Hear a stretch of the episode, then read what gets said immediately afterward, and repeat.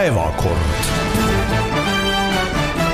Eesti Vabariigi kahe tuhande kahekümne neljas aasta on jõudnud märtsikuusse ja Päevakorra saade on jõudnud taas eetrisse. Teid tervitavad Grete Lehepuu ja Urmas Jaagant Eesti Ekspressist ja ei keegi muu kui Indrek Riikoja Maalehest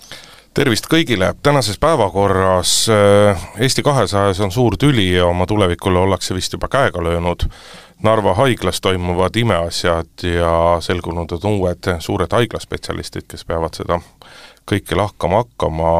kindral Veiko-Vello Palm teatas äh, tagasiastumisest, on see siis kibestumus või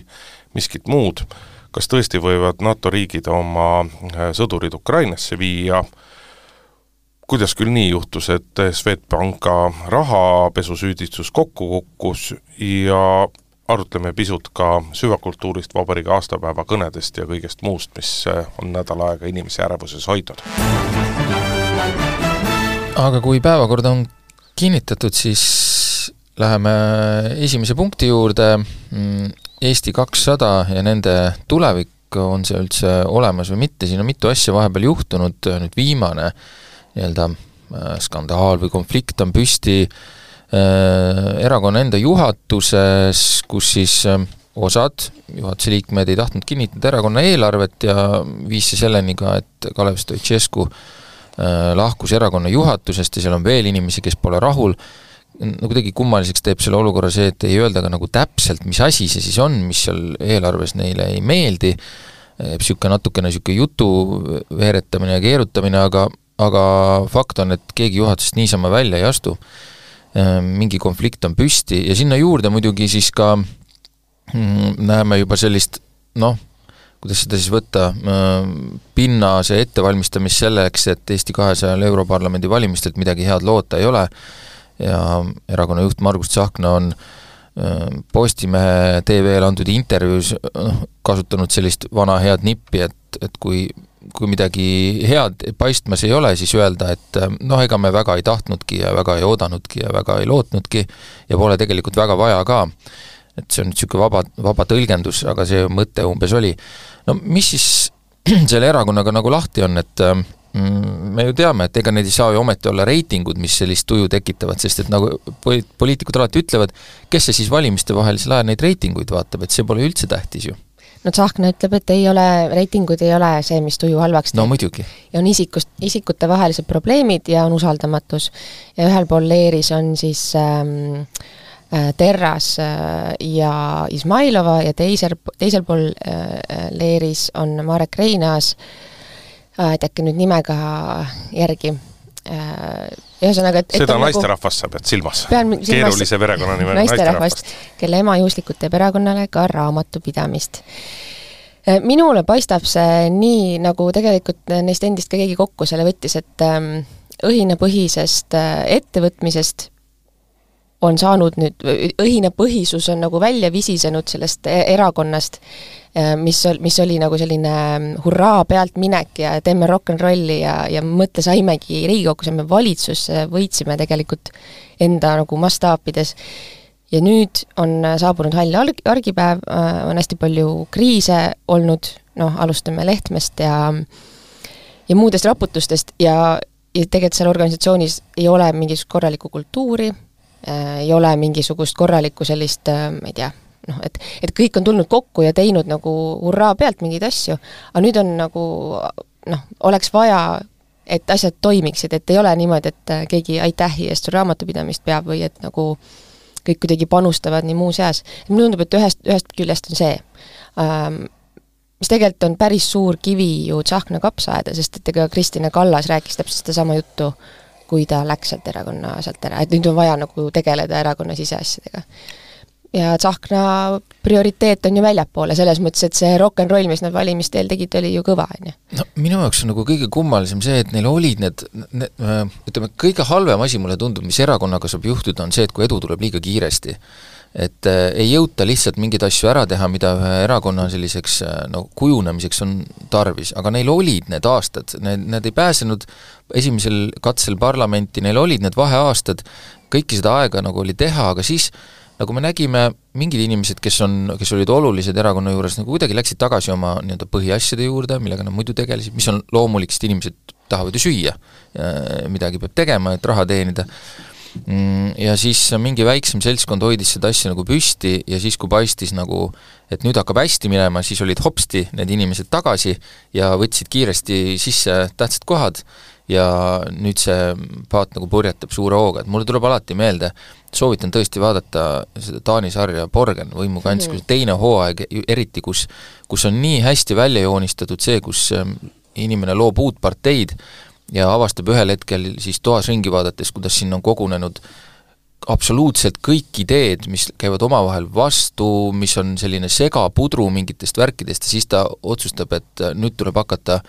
konkreetselt paika panema mingit joont ja mis tähendab seda, et osad inimesed solvuvad, osad vihastavad, osad lähevad ära, aga muu ei aita, kui me tahame, et see erakond nagu päriselt oleks erakond. noh, ma ei tea, kas Eesti kakssada sellise tee on läbi käinud, võib-olla seal on mingi jupp jäänud puudu, aga äh, aga natukene mm, üks inimene iseloomustas mulle seda, et see, seda erakonda nagu meenutab natukene äh, noh, reklaamibürood. et neil on suured visioonid, mis ei ole halb, on suured visioonid, neid, neid niimoodi joonistatakse meie silmade ette nagu väga ägedalt, kui te meenutate seda Tiit Riisalo ettekannet ähm, personaalse riigi osas, see, see kõik on selline äh, noh, värviline ja, ja väga ilus äh, nagu visu-, noh, visuaalne keel, kui kellelgi on vähegi kujutlusvõimet seda juttu ette kujutada, mis sealt joonistatakse. aga nagu seda, midagi jääb nagu puudu või sellist ähm, mingisugused, ma ei tea, põhimõtted siis või, need on ju tegelikult on ka ju olemas, aga midagi jääb nagu puudu. midagi jääb puudu ja äh, kuidagi see loksu, see loksutamine paika loksutamine jääb jälle sellesse aega, kus see on tegelikult nagu erakonnale nagu kriitiliselt, eluliselt oluline.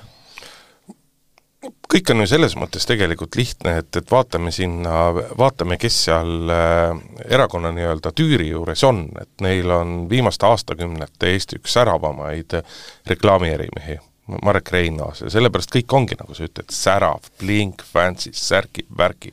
kõik on nii-öelda, paberil on olemas visioonid, pusad on vist puudu. käigud, kõik, pusad on ka olemas, olemas., pusad on ka olemas, aga reklaamiärimehed teevad nagu plaane, teevad visioone, teevad kavandeid, teevad strateegiaid, aga nad ei pea ise neid kunagi ellu viima, ellu viivad need, need, need tellijad. seal on see puudu. kõik see, mis praegu näit-, toimub, see muidugi nagu väga selgelt näitab see, seda, et, et see viimane, viimane aasta-poolteist ehk et tegelikult saab vaadata otsa ka eelmisele erakonna esimehele siis, kui oli juba raha olemas, pärast seda, kui Riigikokku pääseti, riigi tugi oli peal siis, kui oleks pidanud jõuliselt tegelema selle nii-öelda erakonna struktuuriga ja selle ehitamisega, siis seda ei, ei tehtud, ehk jätkus seesama nii-öelda hoog.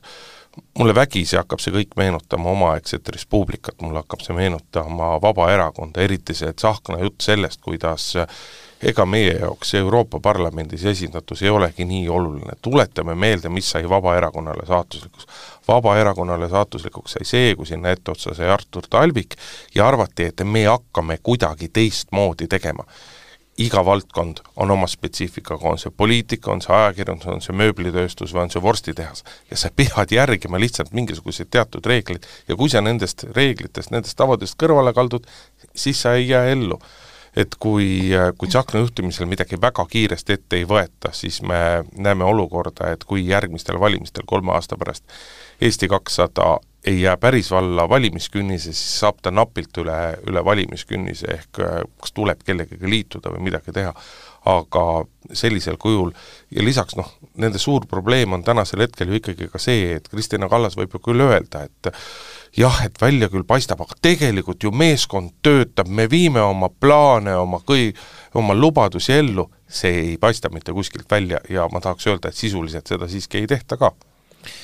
jah, no natuke, noh natuke muidugi paistab ja selles mõttes on Kristina Kallasel muidugi ka õigus, et kui ta, kui ta on nagu pareerinud või öelnud seda nagu noh, nähes, et kõik haistavad mingit skandaali ja konflikti, et noh, et noh, ikka on nii, et organisatsiooni juhatuses ei pruugi kõik olla eelarvega nõus, ma olen sellega nagu põhimõtteliselt ka nõus, et et muidugi peabki olema nagu vaidlusi ka sisemiselt ja ja peabki olema ka nagu erinevaid vaateid ja kindlasti ei oldagi nagu kõigega nõus, noh et aga, aga enamasti ei lõppe see sellega, et keegi lahkub näiteks erakonna juhatusest, eks ole, et, et see on ikkagi üsna, üsna järsk samm, ma ei tea, näiteks Kalev Stoicescu ei ole jätnud liiga emotsionaalse inimese muljet, kes, kes nagu priuh ja prauh nagu tegutseb mingite asjadega. oportunisti muljet on ju. jah, et, et äh, pigem vastupidi, väga kaalutletud, kui vaadata ka tema sõnavõtte, mida ta teeb, eks ole, Ukraina sõja, Ukrainas toimuva sõja teemadel ja muidu, jätnud väga sellise tasakaaluka mulje, niisugune realistliku mulje, et aga mitte ülioptimistlik mingites asjades. et äh, selles mõttes temalt oodata sellist ma ei tea, emotsiooni peal nagu paberite loopimist koos allkirjadega, no ma seda väga ei usu. Et selles mõttes seal midagi on ikkagi nagu päris tõsist, et võib-olla noh, ma saan, ma saan ainult pakkuda, et, et see et juhatusest lahkumine on nii-öelda nagu viimane piisk, kui see eelarve oli nagu viimane piisk mingis, mingisuguses pikemas jadas, mis meie, meie ees ei ole. nüüd teine, üks küsimus veel, mis alati, alati tekib, kui erakondades niisugused, niisugused asjad on, on see jutt, et me ei arutaks niisuguseid asju avaliku sees mm, -hmm. me hoiaks neid erakonna sees ikkagi. inimesed, erakond on avalik asi. Te saate, teie eelarve, see, mida te kinnitate, suur osa sellest on riigi maksumaksja antud raha. Kui te hakkate nüüd meile väitma, et me ei tohi nagu väga huvi tunda, kuhu teie seda raha kasutate, siis sellise jutuga paluks nagu mitte tulla ja omamoodi tegelikult Europarlamendi valimised oleks võinud olla see see koht, kus äh, just saab seda siis, seda tiimitunnet arendada, et äh, vahet pole, et te seal läbi kukute selles mõttes, et te ei saa, noh, te ei jõua sinna nagu valituks, ei osutu, aga jah, Indrek ütles hästi ära, et äh, mida peab parlament tege-, partei tegema, ta peab parteid tegema, partei asju ajama, valimistel osalema jaa, aga no võib-olla ega see selles mõttes jälle, räägin nüüd endale nagu ise vaidlen vastu, et et see on natuke nagu sa oled see sõltlane, on ju, et sa nagu satud sinna tsüklisse, aga siis sa ikkagi ei tegele nende juurprobleemidega. Ehm, noh, võib-olla saaks terad, seradest nagu no, tundub, et neil oleks olnud vaja ikkagi esimest ringi opositsioonis, et äh, mitte kohe valitsusse, et võib-olla siis oleks tekkinud nagu rohkem äh, motivatsiooni seda erakonda ehitada, muidugi mis, mis neile on nagu äh, nagu trumbiks või mitte trumbiks, aga neil on aega, neil on veel aega, et päris mitu head aastat isegi kui see valitsus noh, peaks juhtuma, et sealt välja kukutakse, mis iganes mm,, aega on. Jõuab veel midagi teha, jõuab, kindel rahastus on olemas, jõuab midagi teha, aga aga sellega peaks ikkagi siis jah, suhteliselt kohe pihta hakkama, kui on mingit soovi, et järgmine raund oleks ka parlamendis sees. no ma tahaks sulle muidugi selle peale vastu küsida, et aga neil on ju aega olnud, neil oli äh, üks valimistsükkel neli aastat, pluss sisuliselt kaks aastat veel ennem seda ja neil on pärast seda ka veel olnud aasta, nii et kuus-seitse aga... aastat neil on olnud ja nad ei ole suutnud seda kasutada, et jah, aga, aga, aga enne neid valimisi nagu see noh, see erakond pumpas ennast nagu steroididele üles, on ju. Ja nüüd need steroidid peavad sealt äh, organismist vaikselt lahkuma hakkama ja siis äh,, ja siis ongi see olukord. kuulge, aga teeme lõpu, lõpuks pika perspektiivi ennustuse ka, et kui palju, kui suure toetuse Eesti kakssada järgmistel valimistel saab oh.? nii kaugele küsid? no kuulge, no vaatame, äkki, vaatame perspektiiviga. parlamendivalimisi, mitte kohalikke? ikka parlamendi, jah no, kohalikud okay, valimised on pooleteise aasta pärast. kaheksa protsenti. ma, mhm. No jah, ma tahtsin täpselt sama numbri öelda. sa võid ju öelda, aga see ei takista. mängu ilu pärast ütlen kaksteist siis või? noh, mina ütlen viis ja pool aga läheme edasi Narvast, oleme rääkinud harva, kuid vahel siiski, aga no Narva viimastel kuudel on andnud järjest äh, kõneainet, need vanad head Keskerakonna ajad on nagu tagasi tulnud, linnapea sai paika pandud, Jaan Toots, keegi ei saa aru, miks ta sinna määrati, ega vähesed saavad ka aru, mida ta seal praegu teeb. aga viimane suur skandaal pärineb Narva haiglast, kus äh, nii-öelda staažikas meditsiinitöötaja järsku osutus ebasobivaks äh, Narva noh, ütleme siis nii-öelda Keskerakonna juht Narvas, härra Jevgrafov äh,, pillub segaseid süüdistusi ja tipp oli siis see, et äh, eile õhtul teatati, et uueks äh, Narva haigla juhiks saab endine mis ta oli, kohtumeditsiini ekspertiisi terviseameti viimati ja viimati tervi-, Kohtuekspertiisi Instituudi, jah. Äh, Üllar Lanno, ehk selles mõttes on nii-öelda nagu Narva saabunud vanad head ajad tagasi, et äh, tähtis on lojaalsus, tähtis on nii-öelda see, kuida, mida partei arvab, see, et näiteks haigla nõukogus peaks olema inimesi, kes meditsiinist ka midagi teavad, noh see ei ole ju absoluutselt oluline. tegelikult kõike seda on nagu piinlik vaadata, et kui meil siin vahepeal äh, Narva ikkagi nii-öelda väga selgelt pööras oma näo ja oma valitsemiskultuuri Eesti poole, siis praegu järjest rohkem see hakkab äh, uuesti nii-öelda vanasse rööpasse tagasi minema ja paralleele kahjuks nii-öelda, ma pean silmas juhtimiskultuuri ja selle poolest võiks otsida pigem äh, pigem idapiiri tagant noh, sekka Narva järjekordne taotlus ja, ja nutt ja hala sellest, kuidas ikkagi eestikeelsele haridusele ei saa üle minna ja on vaja pikend-, pikendusaega, et tegemist on Eesti ühe suurema linnaga, aga nii-öelda kaasaegset poliitil-, poliitkultuuri ja kaasaegset juhtimiskultuuri ei ole sinna linna kahjuks ikka veel jõudnud. ja kõige rohkem kahju on sellest, et mulle vägisi tundub, et ega narvakad ka ei taha seda. Neil ei puudu huvi, puudub huvi selle vastu kirge oli, eks ole, üksjagu, et äh, läks paar päeva ja siis Ago kõrgetoetuseks juba, no kui oli selge, et ta ametist lendab, siis äh, korraldati meeleavaldus tema toetuseks, et seda, seda nagu jah, pealinna kandis väga sageli ei näe, ma ei kujuta ette, et äh, et mingi siinse mingi asutuse juhi toetuseks meeleavaldust tehakse. jah, aga vaata, ega Tallinna suuruses linnas üks haigla või mingisugune selline suur struktuur, ta ei ta selles kogukonnas ei saagi kunagi omandama nii suurt mõju, kui Narva-suuruses linnas üks haigla omandada võiks. noh, poliitmäng on see kindlasti, seda on Katre Raik on ka ju üsnagi avameelselt rääkinud, et et tema tahaks ka ära lõpetada selle, et ta määrab mingitesse asutustesse, kas nõukogudesse või, või juhikohtadele inimesi justkui nagu tänuks või tunnustuseks äh, lojaalsuse eest, aga no nii käib, ei saa midagi teha. jah, volikogust ei saa muidu hääli taha, kui sa neile midagi vastu ei anna, sellepärast et mis on Eesti, absoluutselt jabur ja Eesti kõige kõrgemast volikogu liikme tasust, äh, nii-öelda istungitasust, sellest kõigest on veel vähe. Jah, ega siin vist palju muud öelda polegi, mis toimub Narva kohta, kui see, kui, kui te vaatate ma ei mäleta, mis päeval oli ERR-i väike kajastus selle kohta, kus äh, Jüri Nikolajev ütles, küsiti tema käest, et äh, kes Narvat tegelikult juhib ja siis ta ütles väga otseselt, et äh, et linnapeaga pole seal suuremat pistmist, et Jevgrafov, Aleksei Jevgrafov on see, kes seal äh, nii-öelda niite tõmbab, et äh, kas see nii on, eks see jääb nagu tema nii-öelda vastutusele, aga ma usun, et äh, tal asjatundjana pigem on õigus. ei no eks see kõik nii on ja mind, äh, mind teeb nagu kurvaks eelkõige see, et äh,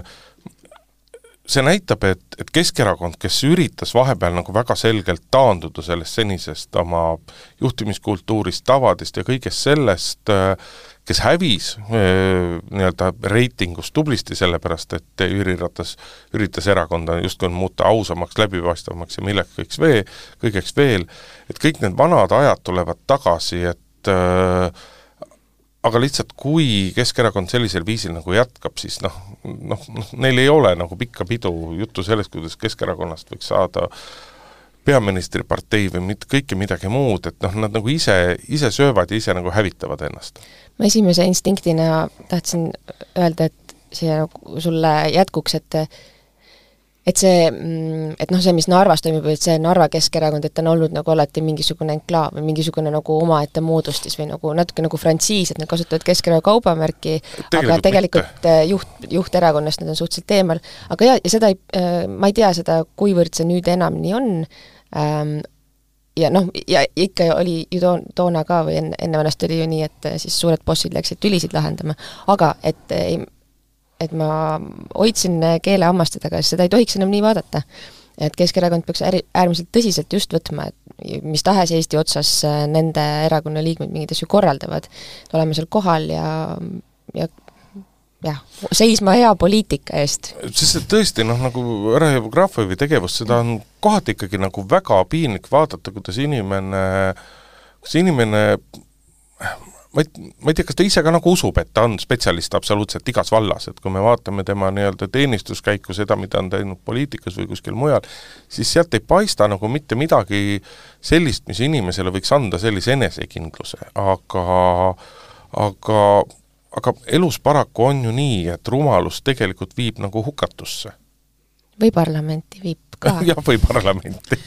aga kas ma, aa okei okay,. ma lihtsalt ühe asja, üks küsimus lihtsalt, ähm, kas te olete tähele pannud, mis on äh, Narva linnapea seisukoht selles asjas? ei, no, see, mis te just kuulsite, sekundi, see ega, aga ega nüüd linnapea ei saagi öelda, sest et tunnustagem, ärgem unustagem siiski ära, et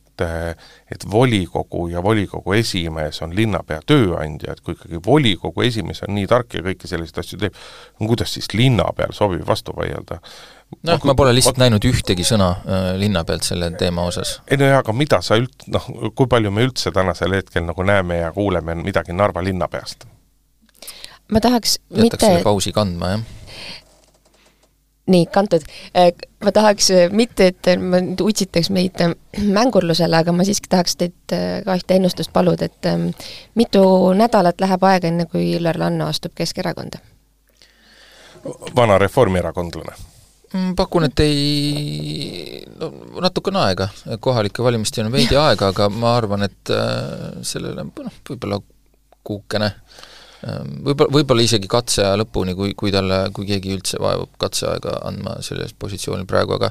aga ma arvan, et see üsna pea juhtub ja ma arvan, me näeme teda ka kandideerimas, et ähm, ma siin muud kohalike valimistel mõtlen kandideerimas Keskerakonna nimekirjas, et äh, küllap see kõik tuleb. Mis sa tegelikult pakuks isegi aastani, et nädalates siis viiskümmend kaks või? no paku viiskümmend mängu ilu pärast. kõige kurvem kõige selle juures on see, et äh, ilmselgelt äh, suurele osale Narva inimestest meeldib selline valits-, valitsemisviis sest et äh, suur või osa on ükskõiksed? ei, ei ole ükskõik, ei ole ükskõiksed, see on ikkagi, see on tänases Eestis kahjuks nii, et pigem väga paljudele Narva elanikele sümpatiseerib pigem see valitsemisviis, mis on idapiiri taga, kui see, mis, mida peetakse nagu siinpool normaalseks. ei, ma ei vaidleks vastu selles aga osas, see ükskõiksus vaata, on seesama, aga ja, see ükskõiksus see tuleb, see ükskõiksus tulebki sellest, et äh, kui need mängud, äh, kui sa, kui sa oma väikse inimesena, kes käib seal äh, poes tööl näiteks või, või kuskil kaevanduses või mis iganes, su-, siis, ja sa näed, et see mäng justkui käib üle sinu pea ja kõik on juba otsustatud, siis see, see räpane poliitkultuur lükkabki inimesed eemale. ja mitte kedagi nagu lõpuks ei huvitata, noh, talutakse mingisugust pinnavirvendust, aga tegelikult kaasa ei mõelda ja kaasa ei taheta ka kedagi mõtlema. kindralmajor Veiko Vello Palm, kes äh, oli ka päris tugev äh, kandidaat või vähemalt mõne seltskonna eelistuses kandidaat Eesti kaitsejõudude juhatajaks, ähm, ütles, et äh, tema läheb nüüd reservi, lahkub oma ametipostilt, praegu on ta diviisi ülem ja, ja tegevteenistusest ta siis ära läheb ähm, juba selle kuu lõpus ähm,. Mõnevõrra üllatuslik küll, sellepärast et äh, tegu on Eesti absoluutse tipuga selles valds-, valdkonnas, ühe, ühe tipuga äh,, aga teistpidi võib-olla see ei ole üllatuslik, sest et ähm, ta ütles seda ka ise välja, et, et kui ta vaatab kogu oma karjääri ja ta on alustanud on ju ajateenistusest, ta on olnud ka nii-öelda ametnik Kaitseministeeriumis, ja, ja nüüd siis ka kogu läbi Kaitseväe mm, erinevatel positsioonidel, äh, siis kui temast Kaitseväe juhatajat ei saanud, siis ega tal väga palju kuskile karjääri nagu arengut enam näha ei ole Eesti mõttes ja ja kui ta sellest kohast praegu ilma jäi, siis siis ta otsib teist teed. inimlikult ju, ju mõistetav ähm,, aga jaa, mul teistpidi tekib küsimus, et kas äkki seal ütleme, uus Kaitseväe juhataja tahabki oma, oma meeskonda vahetada või ma ei tea, ma ei, ma ei, ma, ma ei tea, et mingit intriigi oleks üleval, ma arvan, pigem see on tõesti nagu isiklik ähm, selline pettumus ähm, kõige paremas mõttes, kui pettumus saab olla heas mõttes, et jah. kui kaitseväelasi kuulata, siis jah, see solvumine on see, mis sellest, mis nendest sõnadest läbi käib, sest et ei maksa unustada, et suvel on nagunii suurem rotatsioon Kaitseväe juhtkonna sees seismas ja mingile muule ametikohale Palm oleks pidanud asu-, suure tõenäosusega asuma. noh, ei ole ka päris välistatud, et oleks võinud diviisi eesotsas jätkata, aga, aga loogiline oleks, et, et seal oleks mingisugune vangerdus toimunud. et eh, kaunis küsimus on, et miks ei oleks oodab, võinud ära oodata seda kolme-nelja kuud ja siis minna erru või mida teha, et äh,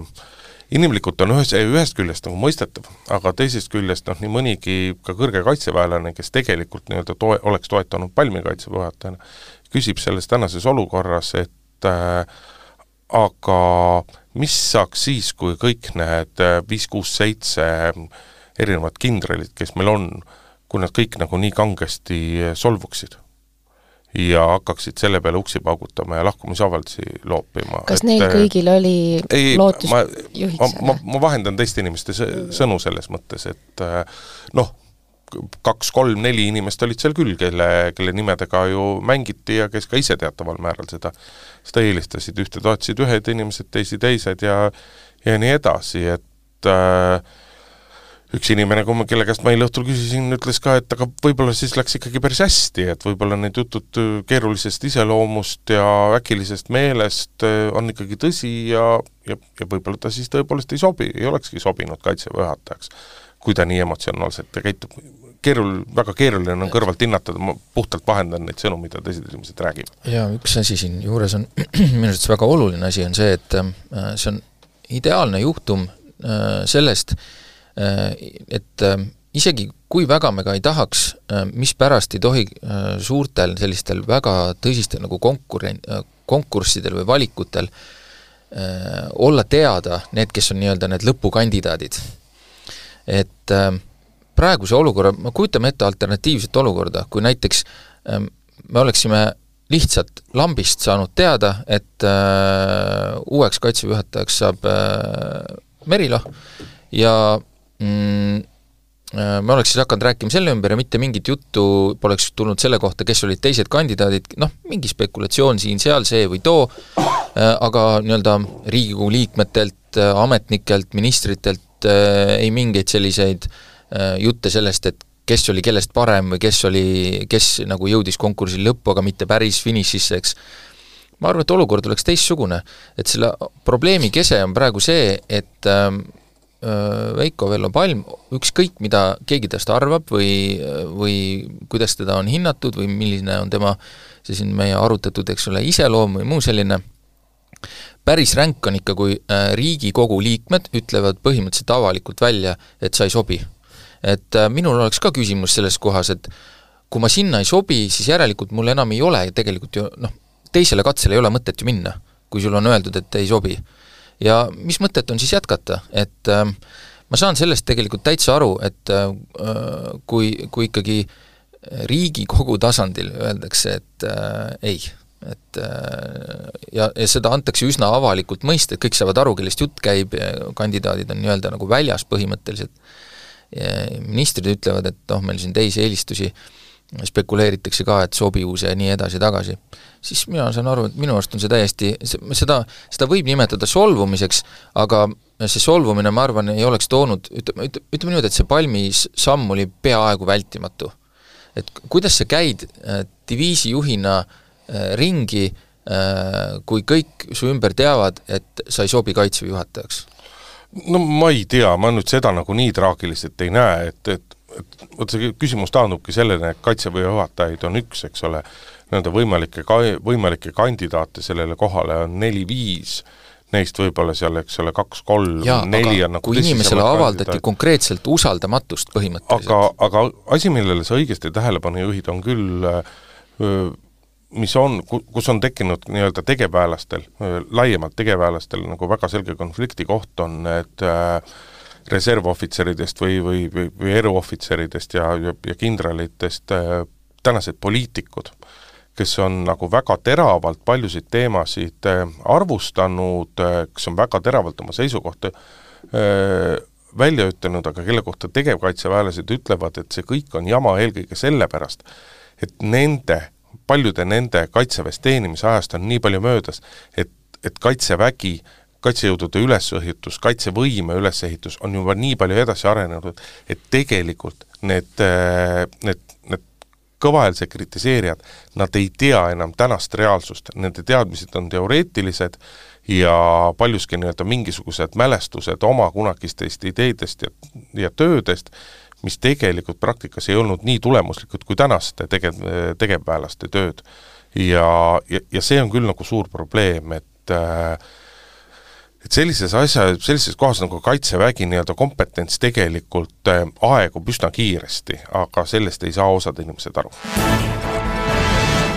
Läheme pisut kaitseteemadega edasi, me ei räägi välispoliitika asjadest liiga tihti saates, aga sellel nädalal esile kerkinud mõtted, mida kes ütleb, et selle peale võiks mõelda, kes lükkab, lükkab ümber, ütleb, et selle peale üldse ei mõelda, ehk küsimus sellest, mis sai alguse Prantsuse presidendist, et kas kas siis NATO või osade NATO liikmesriikide väed võiksid reaalselt sekkuda sõjategevusse Ukrainas, et seeläbi seda sõda ära lõpetada ja Venemaa alistumisele kaasa aidata, noh, see on ootuspäraselt tekitanud teravaid reaktsioone nii Venemaal kui, kui igal pool mujal, aga noh, ma saan aru, et see on poliitiliselt ebapopulaarne, aga tegelikult on see muidugi asi, mida kaitseringkondades ammu on mõeldud, selle üle on arutletud, sellepärast et kui otsitakse mingisugust selget pööret Venemaa ja Ukraina sõtta, siis see oleks üks, mis selle pöörde aitaks tuua. minu meelest selle, selle nii-öelda väljaütlemise kõige parem nii-öelda nagu külg, hoolimata sellest, et, et seda sellisel kujul, nagu inimesed kõige rohkem kardavad, seda ilmselt ei juhtu, on see, et lõpuks on keegi teinud mingi nii-öelda ennetava sammu. et äh, kogu senine Ameerika ja Euroopa Liidu äh, tegevus on olnud reageerimine äh, Venemaa sammudele. et see on nüüd, võib-olla ma eksin, aga üsna, üsna esimene selline kus on nagu tehtud ise noh, veerand mingisugust sammukest, mis tähendab ju tegelikult ainult seda, et, et ühte varianti ei ole välistatud. et keegi pole öelnud, et me seda teeme, ei ole välistatud, muidugi asi on eskaleerunud edasi, sellepärast et et äh, kuidagi ennast üsna lollis positsioonis tundev äh, Saksa liidukantsler Olav Scholz on nüüd öelnud, et et äh, mis te räägite, et Briti ja Prantsuse sõdurid juba on Ukrainas, kes siis aitavad seal, ma ei tea, rakette noh, mitte lihtsalt ei ei juhenda, vaid aitavad nagu ma ei tea, sihtmärkideni juhtida neid lääne rakette, mida Ukraina on saanud, mille peale muidugi britid ja prantslased on öelnud, et noh, täitsa segi läinud on ju, et, et millest sa räägid, et et põhimõtteliselt noh, paned meile nagu lihtsalt labidaga pähe, et selliseid asju nagu liitlased omavahel ei tee. Nad ei ole seda ka ümber lükanud muidugi minu teada võib-olla on, ma ei ole, kui, kui on, siis ma ei ole märganud. et ähm, selles suhtes ma nõustun äh, Ilmar Raagiga, kes ühes oma kirjatükis ütles üsna otse, et äh, me oleme ammu juba selles sõjas, et kui, kui kui, kuidas seda siis muidu käsitleda, kui me anname relvi ja anname varustust, et mis see siis muud on kui osalemine, noh tegelikult nagu ongi. õpetamine, muidugi see on nagu osalemine, et see, et Venemaa see teeb, teeb, tõmbab mingisuguseid äh, juba ammu krobeliseks kustutatud paberi peale jälle ainult uusi punaseid jooni, et need siis jälle ära kustutada, sealt natuke edasi nihutada, noh see on ja ka Venemaa ju pigistab tegelikult selle koha peal silma kinni, et, et noh, põhimõtteliselt on see tõlgendatav ikkagi osalemisena, mida, mida lääneriigid teevad. see on kõik niisugune retooriline Äh, värk ja täpselt samamoodi tuleks võtta ka seda nii-öelda Macroni väljendust, täpselt samamoodi tuleb võtta ka neid Putini järjekordseid tuumaähvardusi, et ähm, et see, see nagu, ma, ma ei näe sellel ähm, nagu reageerimisel nagu, nagu nii suurt nagu põhjust selliseks ma ei tea, ärritumiseks või kui me vaatame, kuidas EKRE liikmed, EKRE juhtkond on siin reageerinud, et nüüd tahetakse saata väed sisse, et issand jumal, noh, ei, ei taheta, ma arvan, sellisel kujul, aga, aga EKRE puhul on pentsik muidugi see, eks ole, et et needsamad vanad, vanad ohvitserid, kes nende ridades on, saavad ju tegelikult väga hästi aru see, ja, ja nemad on väga ammu ja väga kaua rääkinud sellest, et ainus, mida Venemaa mõistab, on jõud. ehk talle tuleb jõudu näidata, siis ta taltub, et muud vahendit ei ole. et ega noh, kui seda, kui seda sõda tahta pikas, taht-, vähe kiiremini äh, lõpetada, et see ei jääks väga pikalt venima, siis on kaks võimalused, et kas tõesti, kas anda nii-öelda väga selgelt äh, väga teistsugust varustust, äh, nii-öelda väga haru, hävitavat varustust Ukrainale, või siis tõepoolest näidata jõudu läbi selle, et mingil kombel saadetakse väed sisse? mulle tundub lihtsalt, et mida, mida nüüd tehakse õigesti või mida tuleks hakata tegema, on see, et tuleb hakata tegema esimesi samme. Äh, selles mõttes, et mitte ainult reageerida, vaid äh, ilma pikema jututa mingisugune asi. et siin mõned riigid on ka niimoodi käitunud, kes on andnud Ukrainale mingit abi, ei ole olnud suuri teateid, fanfaare, pilte, kuidas mingisugused masinad lähevad, lihtsalt ühel hetkel avastatakse, et nad on kohal, küsitakse, kas te saatsite, saatsime jah ja ongi kõik. et äh, lihtsalt selliselt ma arvan, noh, mulle tundub see järgmise nii-öelda sammuna õigem, õigem käitumisviis, sest et seni see nii-öelda te tegite seda, nüüd me natuke teeme ka, aga me ei taha ületada, aga me ei taha ületada mingeid piire, mis näitab Venemaale täpselt, kuhu maani nüüd järgmiste sammudega võib minna, et see, see ei tööta. noh, te olete kõik ära juba rääkinud, jah. Jaa, et sellest teemast enne, kui, kui end juba mõelda soola ostma kuskile ja, ja absoluutselt nagu üle ehmatada, et Macron ütles, et ei tohiks välistada, nagu see tuleks, tuleks meeles pidada, et ta ei öelnud, et hakkame komplekteerima ja teiseks tuleks meeles pidada ilmselt ka seda, et ähm, et Macronil ongi vaja suuri sõnu teha, sest ega need suuri tegusid nagu üleliia pole teinud. Ja see miljoni mürsku initsiatiiv väga paljuski seisab ka Prantsusmaa taga, sest et Macroni ja Prantsusmaa ähm, noh, üsna vankumatu seisukoht on see, et, ähm, et kui me mürske, kui Euroopa Liidu riigid, Euroopa Liit mürske ostab, siis peab ta ostma need Euroopa Liidust. no selles on järgi antud nüüd kas on nagu äh, selles mõttes vähemalt sõnades? nojah, aga tegudes on ju, et me oleme nagu juba üle aasta siin istume ja räägime nendest miljonist mürgust, mürsust, et see on ikka päris piinlik. et ähm, ähm, et jah, nagu äraspidiselt on, on nagu hea meel, et Macron tekitas mingisuguse võbeluse või mingisuguse ärevuse just selles mõttes, et äh, seesama, see nagu enesekindlus või noh, seesama see jõu näitamine Ähm, aga jah, ma noh, ma ei tea, Eestist vaadates, Eestis istudes, ma arvan, meil ammu nagu vist ütleme, et palun tehke midagi. lihtsalt, ma ei tea, andke raha lõpuks ometi, andke oma moona, andke oma relvi, tellige need, tellige need moonakogused ära, on ju. üks teema äh, kohtute, prokur-, prokuröride ja ka pangandusmaailmast äh, saime siis teada, et prokuratuur on lõpetanud kriminaal, kriminaalmenetluse Swedbanki osas, äh, kus siis uuriti mm, pikka aega aastatel kaks tuhat üksteist kuni kaks tuhat kuusteist toimunud võimalikku rahapesu, no suur, suur juhtum, kus olid kahtlustuse all äh, Swedbank Eestit äh, juhtinud mitmed inimesed, juhatusse kuulunud inimesed ja nii edasi, ja nüüd selgub, et seda süüdistust ei tule. Põhiliseks põhjuseks, mida prokuratuur on siis öelnud, on see, et selle jaoks, et see süüdistust oleks saanud esitada, oleks olnud vaja ähm, koostööd Venemaaga, mm, mida siis prooviti, aga sealt seda, mida sooviti, ei saadud või vähemalt so-, vajalikus mahus ei saadud ja mis tähendab, et lihtsalt pole äh, piisavalt tõendeid, et äh, selle asjaga kohtusse minna. Ja mis sellega põhimõtteliselt ongi asjal joon all, üks äh, kahtlustus muidugi veel jäänud ühe, ühe inimese üle, kes ei olnud aga nii kõrgel positsioonil kui äh, need Swedbanki juhatuse tegelased. noh, mis sellest tervikuna arvata, üks äh, järjekordne nii-öelda juhtum pikas jadas viimasel ajal, kus nagu asjad ei jõua tulemusteni, aga siin on mul nagu raske võib-olla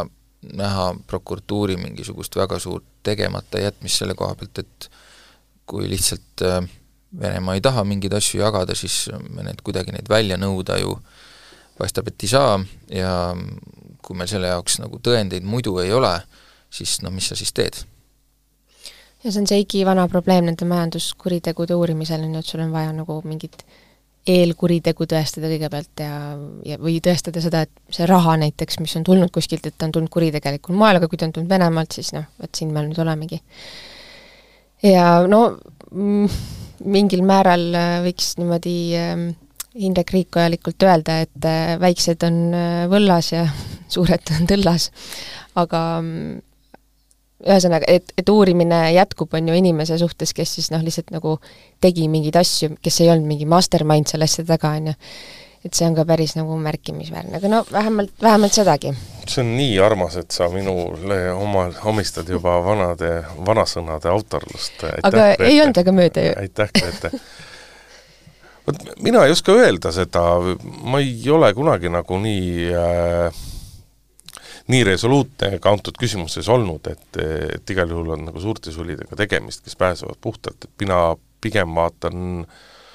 vaatan kummastusega mitmeid nagu pro-, prokuratuuri sõnumeid, et ühest küljest äh, Venemaaga õigusabialast uurimisalast koostööd teha ei saa ja ega väga ei tahetagi, äh, me teame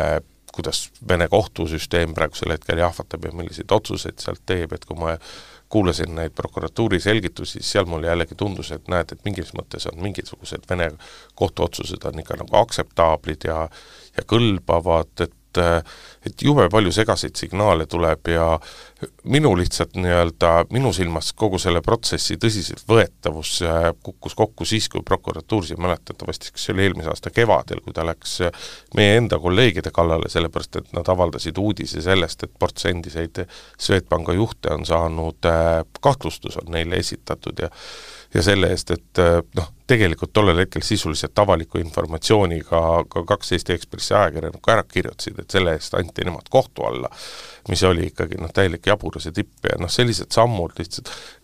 noh, minu jaoks see natuke aset-, mahtub jälle sellesse, sellesse pilti, kus, millest ei joonistu välja just mitte kõige suurem usaldusväärsus prokuratuuri suhtes, ma rohkem mõtlen neile kategooriatele. üks asi, mida ma siin muidugi tahaks öelda, et ma olen näinud ka selliseid äh, tõdemusi, et äh, no mida siis oli oodata, et kas ei olnud siis võimalik ammu näha juba, et, et sealt ju ei saa midagi tulla, kuna Venemaaga on seal tegemist ja sealt ju midagi ei saa, et et noh, mille viide on siis selline, et kas oli vaja aega ja ressurssi raisata, mina arvan, et oli küll. et äh, me, me tegelikult ei saa me ei saa seda asja teha nii, et, et äh, prokuratuur siis kuidagi ise otsustab, no niikuinii mingil määral ju otsustavad, aga et, et sellist asja, ah kuna siin on Venemaalt, ei tea, kas me sealt ikka midagi saame, ah pole vist nagu üldse mõtet hakata. et ähm, ei, see ikkagi nii ei peaks päris käima, et äh, ma arvan, et ikkagi Äh, proovida ju, see kõlab nagu naljakalt, aga proovida tasus. vot ma ei tahaks sinuga selles mõttes üldse, üldse nõus olla, et vastupidi, ka prokuratuur peab, ka prokuratuur peab pidevalt nagu hindama selliseid asju ja, ja, ja noh, ma ei tea, prokuratuurist ei tohiks kunagi jõuda kohtusse asjad a la äh,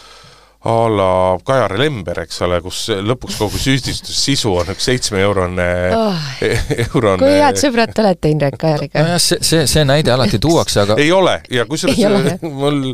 ütleme niimoodi, et äh, ei oska teda nagu liiga kõrgelt hinnata. ma tahtsin jõuda selleni, et seal on nagu kak-, seal on, seal on kaks küsimust, üks asi on see prokuratuuri nii-öelda nagu aja raiskam-, aja raiskamine, ressursside kulutamine, teine pool on, et et mida see tähendab nagu neile inimestele, keda siis justkui uuritakse, et tegelikult ka prokuratuuris peab käima mingisugune kaalutlus, nad teevad kaalutletud otsuseid ju kogu aeg, et mingi ratsionaalsus peab sealt siiski Jaa, ka läbi, aga ma ei oska sulle öelda, kust kohast see ratsionaalsuse piir jookseb. sind praegu päästab ainult ainult see, et ma ei saa minna paralleelmaailma, äh, kus, kus oleks, kus on nii, et äh, mõned aastad tagasi äh, prokuratuur otsustab, et me ei hakka sellega tegelema ja kus me teeme saadet ja kus Indrek Riikoja ütleb, et see on täiesti ennekuulmatu, nii suur asi ja prokuratuur otsustab mitte uurida,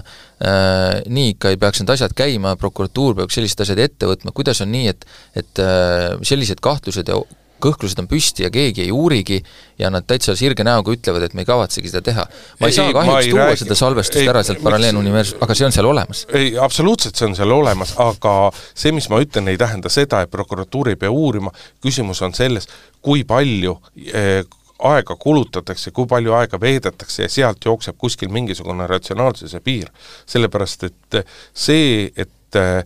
et Venemaalt ei ole sisuliselt midagi võimalik saada, see on prokuratuurile ammu teada olnud ju. teada, aga äh,, aga nüüd on nad teinud selle ka kindlaks. ja ja, ja mina ei ole ka sellega nõus, et kui, kui me mõtleme selle, noh, ma ei tea, isegi kas või näiteks Põhja-Koreaga seoses on mingisugune, on Eesti kodanikele ja Eesti ma ei tea, õigusruumile või, või nagu meie siin nagu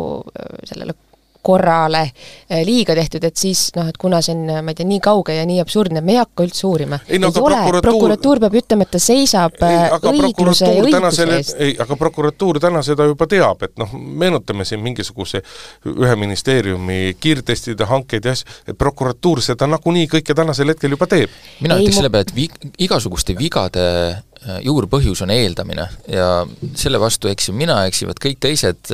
lihtsalt kui seda õnnestub teha vähem eeldamist, siis seda vähem vigu ka juhtub ja mu arvates siin tehti selles mõttes õigesti. ma pean ütlema ära selle, et ka see, et prokuratuur seda uurida võttis, see on sõnum ja see annab noh, nagu see on nagu ikkagi kaikaga viibutamine või, või vähem, hea küll, pihta keegi ei saanud, on ju, aga et ähm, et meil on, meil peab olema nagu ühiskonnas äh, mingisugused piirid ja keegi, kes neid piire tõmbab ja neid piire meelde tuletab. Ja, ja siin ma küll nagu ette ei heidaks seda, et see uurimine ette võeti. ei, jumal, kuulge, ma ei ütelnud midagi sellest. probleem on see, et uurimine ette võeti, küsimus on see, kuidas erinevaid asju ja kui kiiresti menetletakse. jaa, aga ega prokuratuuril nagu ei ole, nad ei istu seal siga, sigarisalongis ja ei kõlguta jalga ja ei aruta, et kas on juttu või mitte, neil on nii palju tööd ja nii palju asju, mida teha, et ähm, ma olen natuke, sa oled ikkagi ülekohtune aga vahepealse nädalaga, kui me viimati teiega siin kohtusime, on Eesti saanud ühe aasta võrra vanemaks, palju õnne, saja kuues aasta, väärikas vanus, samas alles algus. kui patriootlik kui patriootlikul lainel ma praegu olen ähm, me mõtlesime, et siia saate lõpuks pisut arutame siis äh, lainetust, mis nüüd võib-olla on juba üle läinud, aga äh, aga on vist vabariigi aastapäeva, esiteks on siis see põhirubriik, et äh, no kontserdist küll aru ei saanud või siis kontsert küll oli liiga morn või siis, et noh, oleks võinud nagu lusti ka olla kas ei olnud siis nii, kui, kui Vabariigi kontserdil ähm,, aastapäeva kontserdil olid need Nätsu mulliga mingi see väike niisugune sketš või selline esinemine, siis öeldi, no ma ei tea, kas ikka nagu sobib nätsu süüa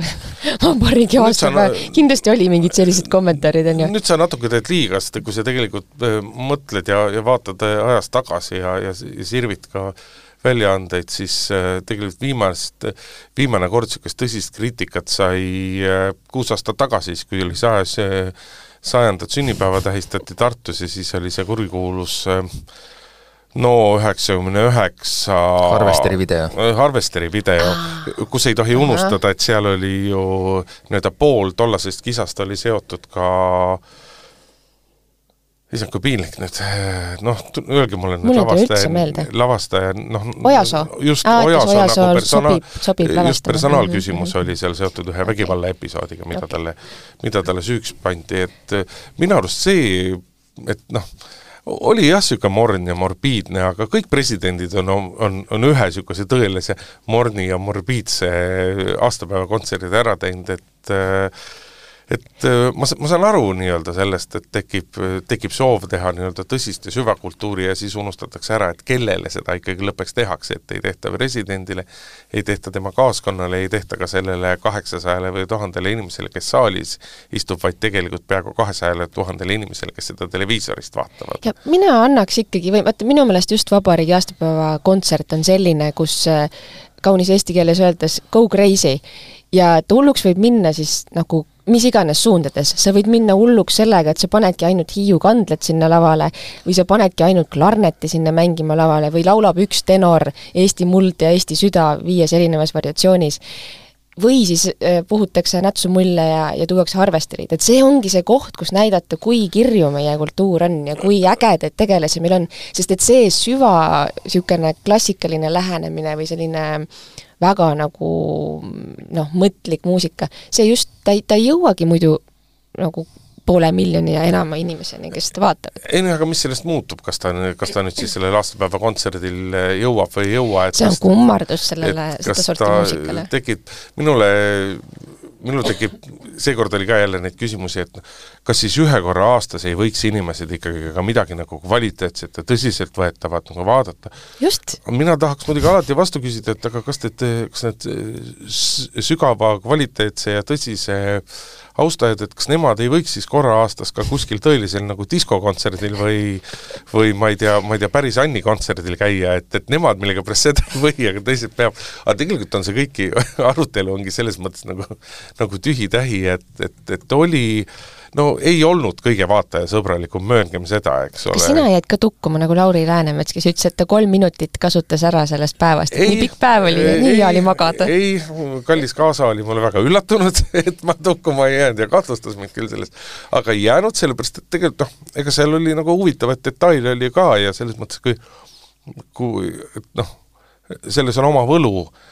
vaadata, kuidas, äh, kuidas tõeline meister valdab oma instrumenti, et kas sa pead seda tund aega järjest vaatama, on omaette küsimus. aga selles mõttes mina tahaks nüüd, et lepime kokku, et noh, ei olnud vaatajasõbralik, aga ega sellest midagi hullu ei ole. aga mõtleks pigem neile kõnedele, mis nagu, äh, mis nagu peeti ja katsuks neid arvad, et selle põhilise kõrval, mis te just rääkisite, peaks kõnedest ka rääkima? ei, teate, saateaeg on läbi, me rohkem ei võib-olla võiks tõesti. et äh, räägime ikka natukene kõnedest ka, et äh, president äh, minu arust ilmselgelt äh, lähtus põhimõttest, et kuna eelmisel aastal sai nagu päris teravalt päris, päris teravalt antud, et siis teeme seekord äh,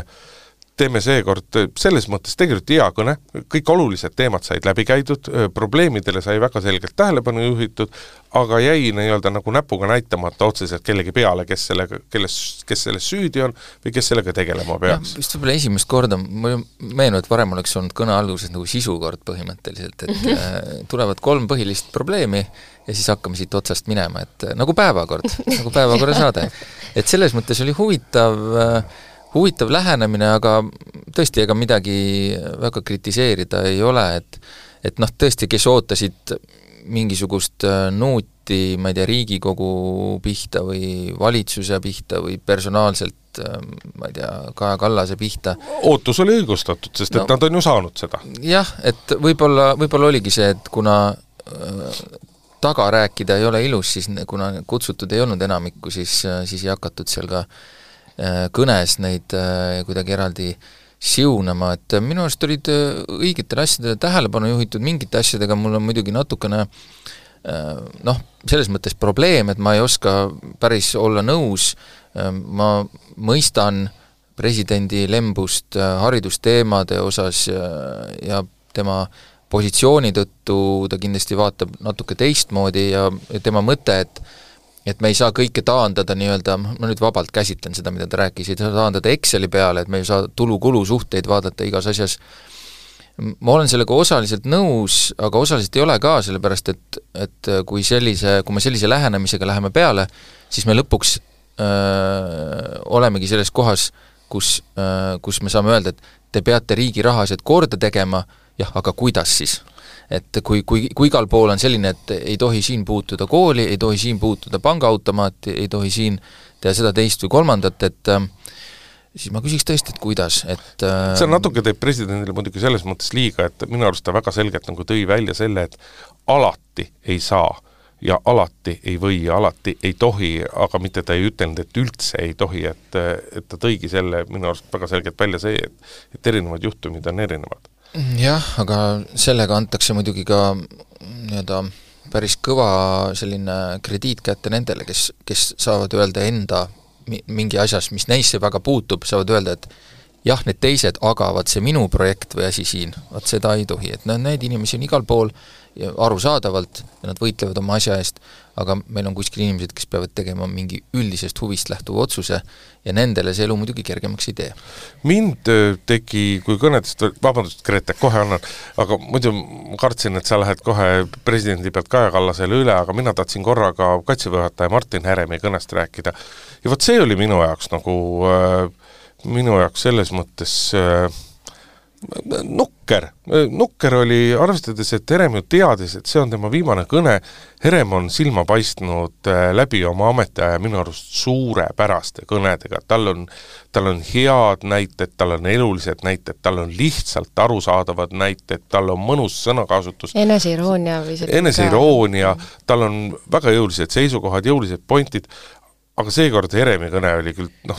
see oli nagu no nii ümmargune ja nii tasapaksu, et mul päris hea riik, päris hea rahvas. just no., et no ma, tean ju, et no sees on ju power'it nagu palju ja, rohkem. mina ütleks no. lihtsalt selle kohta seda, et, et mulle meeldis, vastupidi, mulle meeldis, et ta oli püüdnud olla selles mõttes kujundlik, et see rivikarbi mõte, võib-olla see kõigile, kes ei ole rivis olnud äh,, ei, võib-olla ei kõneta kohe, aga see rivikarbi mõte Eesti ühiskonna kohta minu arust oli päris hea minu jaoks ähm, ma, ma lugesin, ma kõiki kõnesid lugesin, mul ei olnud võimalik kuulata neid ähm,, et Heremi kõne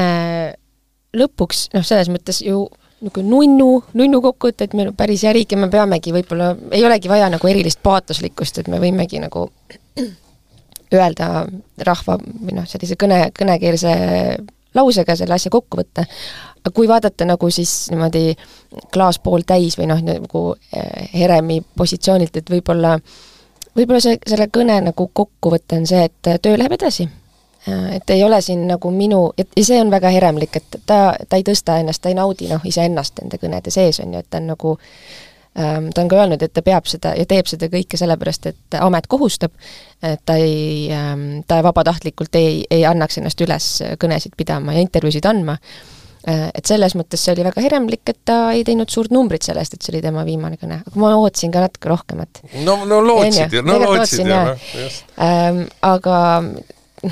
jah, nüüd hakkab päriselt aeg otsa saama, et äh, kui räägi siis ähm, Kajast ka ruttu. Pre-, ma ütlen nii palju, et presidendi kõne, ma, kui ma selle ära, läbi lugesin, ma rahunesin tohutult maha kuidagi. et see mul oli hea meel, et ta ei teinud, ta ei võtnud seda ruumi, et teha mingeid poliitilisi äh, teike väga tugevasti, äh, et ta ei susanud, on ju, seda enam just, et ta varem on seda teinud, tubli, et ei teinud seda, ja et see kõne oli see, mida ma tahakski, mida Eesti, et mida Eesti president teeb. ma lihtsalt on... täpsustan, kas nii. sulle meeldis, et ta seda tänasel hetkel ei teinud või sa arvad, et ta üleüldse ei tohiks seda teha? Äh, ma arvan, et vabariigi aastapäeva kõnes ta ei peaks seda tegema üleliia, üleüldse. vabandust, et segasin. jah, ei see on hea küsimus, jaa, ma jäin täitsa mõtlema. ma arvan, see on okei okay,, kui president nagu äh, sekka ütleb vahepeal, on ju, päevapoliitikas, kui asi läheb üle pea. nii äh,, aga mu mõte oli see, et äh, meil on vaja nagu kedagi, kes äh,, eriti kui on niisugused keerulised ajad, eriti kui me noh, oleme kelle, kelle väljend see oli, et liigestest lahti ühiskond, on ju, kas Kaljulaid tõi selle või? vist küll, jah, president Kaljulaid. et, et me tunneme, et me oleme nagu, me oleme ärevuses väga paljude asjade pärast täiesti õigesti, õigest, õigustatult oleme ärevuses ja siis on vaja kedagi, kes tuleb ütleb, et sõbrad, meil tegelikult on see, kuhu toetuda, see on, ma ei tea, meie kultuur või see on see, see on see, et mõelge, kust me tulime, on ju noh, karjapoisist inseneriks, see, see väljend. et me, me kõik tuleme tegelikult samast kohast kuigi praegu ühiskonnas on äh, see ebavõrdsus kasvab väga kiiresti, et see kuidagi, ta andis mulle enesekindlust, ta andis mulle mm, kuidagi rahu, et äh, me saame hakkama, pole hullu midagi, päris hea riik. Aga, aga Kaja Kallasest. Ma oleks tegelikult tahtnud sama. no vot, ma ei tea ähm,, ma ei ole neid kõnesid nagu mu karjäär nende analüüsimises ei ole väga pikk. Äh,, aga et, et kas peaministri see aastapäeva kõne kannab, peaks kandma mingit teist funktsiooni, ma jällegi ikkagi ootaks, et kui on see pidulik päev, siis inimesed, kes niikuinii väga palju arvavad Eestist kogu aeg ja Eestit ka kujundavad, võtavad pidulikul päeval üks kord aastas hetke, et vaadata suurt pilti ja anda nagu mingit filosoofilisemat vaadet. Kaja Kallase kõne minu jaoks oli liiga poliitiline, liiga palju ennast õigustav oli jah, ennast õigustav Kaja Kallase kõne ja noh, see, see, see on tõesti, see on nagu väga halb märk, kui peaminister arvab, et ta sellisel päeval peab ka nii-öelda ennast õigustama, ennast seletama ja muretsema, et miks te küll mind ei mõista ja miks te minust aru ei saa. aga noh, jah, minul, ma, ma ei, ma ei saa torkamata jätta, et presidendi vastuvõtul otsustas minemata jätta, pärast seda nurises, et tema käest keegi arvamust selle kohta ei küsi ja omamoodi minu arust silmapaistev oli see, kuidas igasugustel presidendi vastuvõtugaleriidele ja igale poole mujale oli Reformierakonna ja Kaja Kallase reklaamid olid kõik vahele nökitud, et ta ikka oleks ilusti kohal selles asjas. jah, mina ütleks Kaja Kallase kõne kohta nii palju, et, et no lihtsalt puhtalt intrigeerimise pärast teiega, teiega vaidlemise pärast, et et mulle tundub, et, et ta kasutas seda võimalust, kus talle ükskord ei segata vahele, kus tal lastakse ära rääkida, miks ta mingeid asju teeb, mis on nende laiem mõte, kuhu ta tahab selle kõigega jõuda, mida ta äh, on öelnud ja mida ta on mõelnud, ju, võime alati vaielda, kas see kõne on see koht, aga kahtlemata see on üks võimalus, kus keegi ei lõika tal juppi välja jutust, keegi ei hüppa väl-, sisse uue küsimusega, ta sai need asjad nagu ära öelda, mida ta peab nagu oluliseks, et et noh, võib-olla oli seda ka nagu vaja, et ma ei ütle, et see nagu halb oli ja ma ütleme, ma võin mit-, mingite asjadega nõus olla või mitte nõus olla, aga ma nägin, et ta Äh, tal on oma nagu strateegia või mõte, miks ja kuidas seda kõike nagu tehakse, äh, et selles mõttes äh, halb ei olnud. et peaministrina ta ei saa lahti ütelda oma poliitilisest sellest agendast, jah? et see on see nagu nojah, et, et küsime, et mis, mis ta, temalt siis oodati, eks talt oodati selgitusi nende asjade kohta, eks talt oodati, võib-olla oodati sealt ka rohkemat, on ju, mis siis nagu edasi saab, on ju. no seda oodati ju tegelikult jah, kõige rohkem, et Kaja Kallas ütleks, et mis, et mis nüüd edasi saab. aga siinkohal peame, nii, kas meil eluloterii tuleb täna? kuna me siin saime ennustusi teha, siis mängige nendest ennustustest kaasa ja tuletage meile meelde, kui, kui palju või kas me eksisime, et järgmine kord. Grete Lehepuu, Urmas Jaagant, Indrek Riik olid stuudios, kuulake meid Delfi taskust, Spotify'st, Apple'i podcasti keskkonnast, Maalehest, Eesti Ekspressist, igalt poolt mujalt ka tuleval reedel uus saade eetris, ilusat päeva ja nädalavahetust teile! päevakord